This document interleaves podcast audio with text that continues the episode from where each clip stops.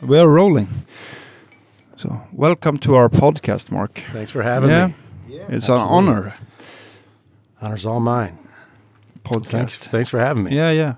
So you guys are you, are you doing like a world tour or is it a Eu- European tour or Uh, it's a world tour. Yeah. Okay. This is um, we did the states for about five weeks, and now this is the beginning of the European tour. Okay. yeah And then next year we'll probably hit Japan and Australia and yeah? um, everywhere else. Who knows? So is this like the first show, the European leg, or This is the third show. all right? Yeah, we did uh, Copenhagen, um, Helsinki, and tonight's the third show. Oh, cool. Okay. Are you going to uh, Oslo tomorrow, maybe? Mm-hmm. Yeah. Mm-hmm. Yeah. So th- this is the only show in Sweden, more or less. Yeah. This tour. Mhm. Okay. Great. Um, we. Um, um, When did you start playing guitar? yeah. When I was 11 years old. All right. Yeah, yeah. Just um, I was every time I'd hear a guitar on the radio, I just wanted to figure it out, play it, Yeah. get a guitar, and I was just drawn to it. Which, who was your f- uh, first hero?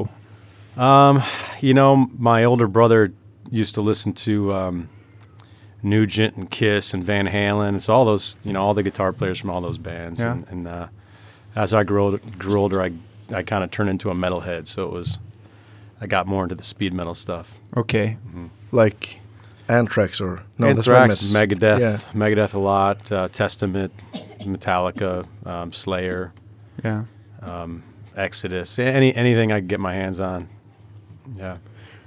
Uh, Were you that kind of guitar player that got a big talent that you, or did you have to practice like eight hours a day to get to where you are right now? or- No, I um, I immediately just kind of became a songwriter. You know, I, I didn't Okay. really Alright. focus on lead guitar for a long time. Mm-hmm. I was uh, I took one lesson and they tried to teach me Silent Night, and I didn't want to learn Christmas songs, so I decided not to take any more lessons and um, just Oh. Fair figured enough. out the guitar. On, you know, just figured out the guitar on my own. Yeah. So did you have like a band during like high school or so since you started writing songs really early? Did you like form a band or Yeah, yeah. My first band was called Diversion. okay? Diversion was out of Detroit, and then um, my second band was Wits End. Okay, we were kind of like a almost like a Motley Crue sounding, you know, kind Yeah. of band. like a sleaze. And, thing. and then uh, then after that, uh, yeah, I just in and out of bands throughout my whole life. yeah. Yeah, So where did you grow up? in Detroit. Detroit, Michigan. Yeah. Yeah, Mhm. Yeah, and and then uh, I think I read somewhere that you, you moved to Florida and studied, went to music college as well. yeah. Well, I went to um, I went I moved to Florida, and then um, in Detroit there's a big music scene. I was in lots Yeah, of yeah, bands yeah. there. When I moved to Florida, nobody played any instruments at my high school, so it was Okay, that was when I um, bought a four track and just recorded songs on my own and became a better songwriter because I didn't have anybody to, oh right, you know, I didn't have very many friends at the time. So I just uh, wrote songs and then um, that was it. Just play guitar and by myself. Yeah. Yeah. and and uh, and that's where you, uh, you started Creed as well, or Uh, that was in. Um, so I went off to Clemson University, and then I came back to Florida to All uh, right. Florida State, and that's where I ran into the Creed guys. And um uh, when that band got put together, I wanted to do the heavy metal thing, but then you you just get with whatever musicians you can find and Yeah. Mm-hmm. kind of morph to what everybody's doing. So, um, you know, Scott, our singer, was more into like the Doors. Bass player or drummer was into Living Color. Bass player was into Iron Maiden. So we just Yeah. kind of mixed it all together. Yeah. I was definitely the metal guy. Anytime I played metal stuff, they kind of laughed at me. you know? So it's When what di- it is. When did you start Alter Bridge? That was 2002, I Mm-hmm. think, or 2000. I think it was 2002 or 2004. I can't Okay. remember. Yeah. And you are one of the originals. Uh, Yeah. Member. Yeah. Mm-hmm. yeah. And family uh, member, yeah. yeah. Well, Alter Bridge was named after a Detroit bridge that where I grew up. Okay. You know, mm.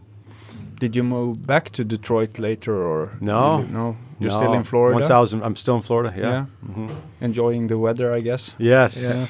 Not Up- like I, here. I don't know. It's six weeks up here. You guys never see the sun. I don't. Yeah, yeah, oh, it's horrible. Yeah, yeah. and now it gets worse and worse for Yeah. every Yeah, day. yeah, yeah. Oh, yeah. No, but Creed got to be like one of the biggest rock bands in the world for I don't know, like a ten-year period. You must have Yeah. worked and pl- toured a lot. Yeah, we toured a lot. You know, it was um, I think it was I think it was a seven year run from 90, 97 uh, till we broke up in two- 2004 and, Yeah. and uh, yeah, no, we, we toured as much as we could. Yeah, You know, hit while the iron's hot. yeah. And you did like a a, a reunion tour, like Yeah, I think little that was I think that might have been another s- six or seven years ago. okay, We did the full circle record and, and did that tour and uh, yeah, just just came back to the Alter Bridge stuff. yeah. Mm-hmm. So what's what's what's the main difference between playing in the bands for Um, as a guitar player? Alter Bridge is definitely more progressive and more, um, you know, all, the Creed stuff was, uh, you know, just I seemed like I was just a younger person at that time. Yeah, I, yeah, yeah. I, we we did our best and to write the best songs we could, and um, you know, diff, you know, when we when we started Alter Bridge, I wanted to find a, a singer that was as different as possible to start a whole no, another sound with Alter Yeah, yeah, Bridge yeah. and. Uh, it's just a different we approach it differently it's kind of hard to explain artistically how you do it but we Yeah. just um, we try to go down different paths with alter bridge than we did with creed Yeah. Mm-hmm. So the writing in Alter, Bri- Alter Bridge, do you do you like present riffs or do you ri- like write riffs together or is Miles coming with like I have this vocal hook or No, you have we- like a, a way to do it? we both write entire parts like All right. um, you know i always got bummed out when people thought of me as just a guitar player because melodies voc- write, writing vocals is my favorite thing to do Okay. Mm-hmm. Yeah. Um, so whenever people see me playing guitar and somebody else singing like well yeah i wrote that you know i wrote this part you know but so me and miles will write um, just the same as miles miles sees him sing but but they don't people see miles sing but they don't think he's writing guitar parts he writes guitar parts yeah. so I'll come in with complete parts. Miles comes in with complete parts. Um, on this record, I wrote, um, you know, half the demos, and he wrote half the demos, and we just ran with our songs. You know, we Yeah. we, we give them the Alter Bridge spin as a band as a whole, but um, you know, Miles is a Miles is a lead guitar player and Yeah. a singer. I'm a I'm a I'm a lead guitar player and a singer as well. So we just kind of do it ourselves and then put it together and see what we can make. Uh, Yeah. Put our ideas together. But do you, s- when you say like parts, is it like you have a verse and he has a chorus or vice versa? Or, yeah.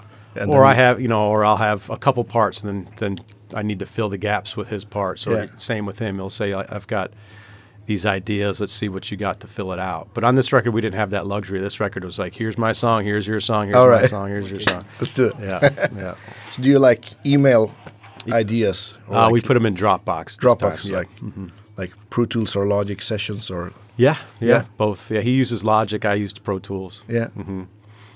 When it comes to recording the guitars, so what do you- what amp did you mainly use? I guess your signature amp was. Um, I used my signature amp mostly. Yeah. Um, Oh, a- and it's a PRS. yeah. Mark Tremonti, and you, it's uh, I saw this one. It's uh, in 15 watts. And Yeah, I mhm. guess, uh, and uh, I guess you have a bigger head.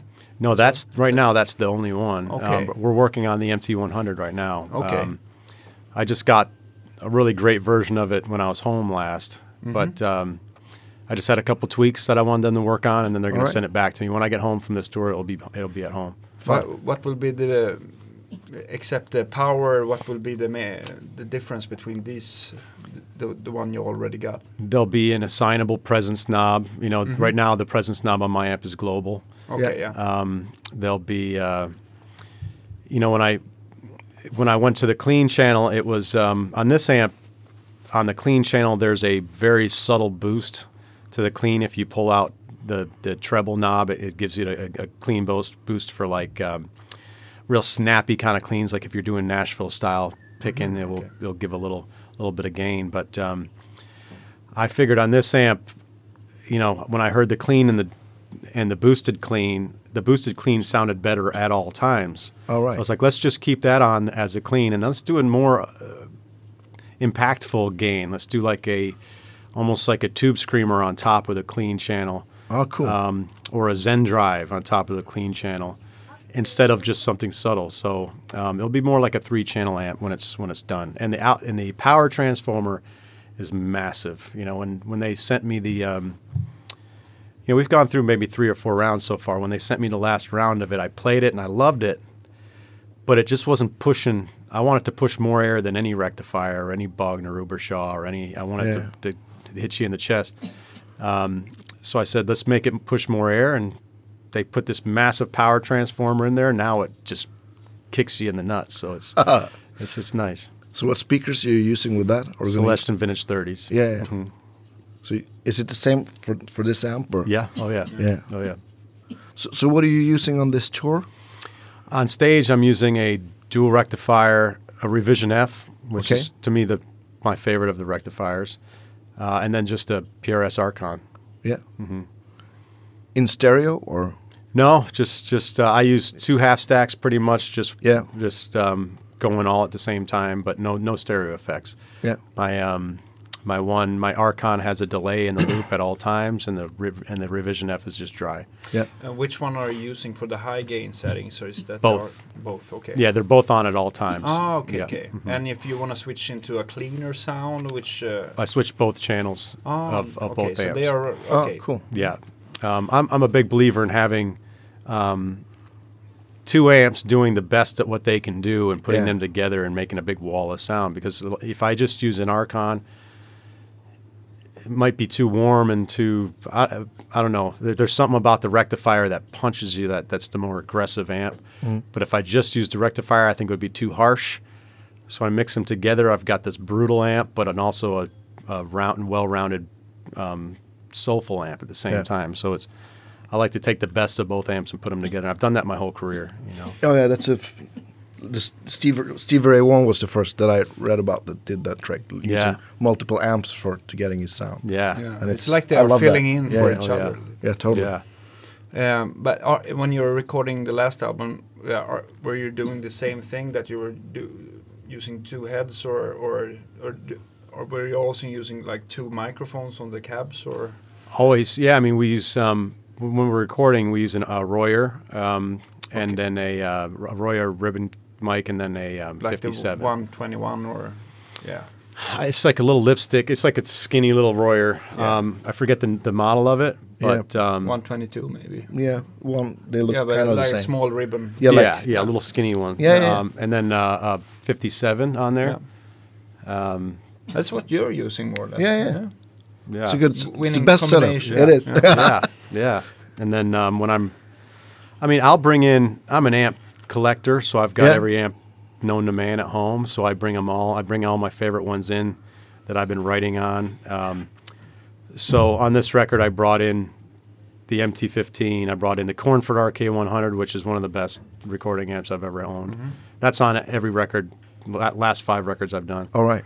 Fender Twins, um, you know, the, the 65 Twin, um, uh, Victory Duchess V40 Yeah, for yeah. cleans. So I, I like I like a mixed I like to mix my cleans. I like to have the super chimey high end Fender Twin style stuff because I don't I don't strum cleans ever. I'm always finger style playing. All right. Um, and then I also like to have the the um, the big boxier, lots of headroom, like the AC30 kind of thing. But it's I use um, I use the Underground 30, the the Bruno Underground 30, Yeah, and the Dutch the um, Victory Duchess V40 for dirty. Um, Exciting. yeah, the AC's on now. so, and for the dirties, like I said, I'll I'll bring in an Ubershaw, I'll bring in a rectifier, I'll bring in um, a VHT, a Pitbull, um, you know, uh, any anything I can get my hands on, and then Yeah. we'll slowly but surely pull the onion back and get rid get rid of. My producer gets stressed out if there's too many amps, so we're like, let's, let's just get it down to like four and get rid of Yeah. everything else. Yeah. So what what do you use for to split to the amps? in the studio they're just all mic'd and on different channels. Yeah. So we, All right. my signals, I don't know how I splits them, but live I use a, um, um, you know, ABY kind of thing. Yeah. But, uh, so from the guitar, you're running wireless, I guess. No, Uh, no, I don't like digital anything. okay. Um, I I'm I'm the only one on stage with a cable. Okay. Um, nice. I don't use Kempers. I don't use anything digital. Um, I just started using an in-ear monitor, so I guess I'm digital in the end. But Yeah. um, But my tone itself is is pure amps, pure analog effects, pure cable, everything. Yeah. Was it did, did it take a long time to get used to the in-ear stuff? I just this is my second tour with it. Um, I said no my entire career until uh, every time we start a new tour after I've had a break, I, s- I give it a chance because Yeah. I know it keeps the stage volume down. And it's good for the front of the house mix. Yeah, yeah, yeah. It's good for Miles to not have all the overlap in his mic where he messes up his mix. So I said I'd try it, and uh, this is the first time where I was like, uh, you know, I can get by, I can do it. And Yeah. um, to me now, in ears are almost like a um another protective barrier. When you're on stage, you have, you know, um, you try and get into your own little world and, and perform and and not it's almost like wearing sunglasses on stage, having your in ears in. It gets you, it puts you kind of in your own little. Yeah, yeah, bubble. Bubble, kinda, yeah. yeah. But you can still hear the crowd. You can still hear the the crowd mics throughout the crowd, which is which is which is great. But You, um, do you have both amps, like pan or something? um, no, I'm I'm panned a little bit right, and Miles is panned a little left. Oh, yeah, but right. my amps are all all right. Yeah. yeah. Uh, is that how you want it in your in-ears too, or do you want like more hear you, a lot more of yourself compared to? Um, I like others? you know my inner mix isn't isn't super guitar heavy, but it's um, my guitar is definitely the loudest thing in there. But um, you know, like I said, I'm here, Miles is here, and then the drums and bass are Okay. uh, Yeah. all around us, and I like to pull the crowd mics in as well. But those are our um, our monitor engineer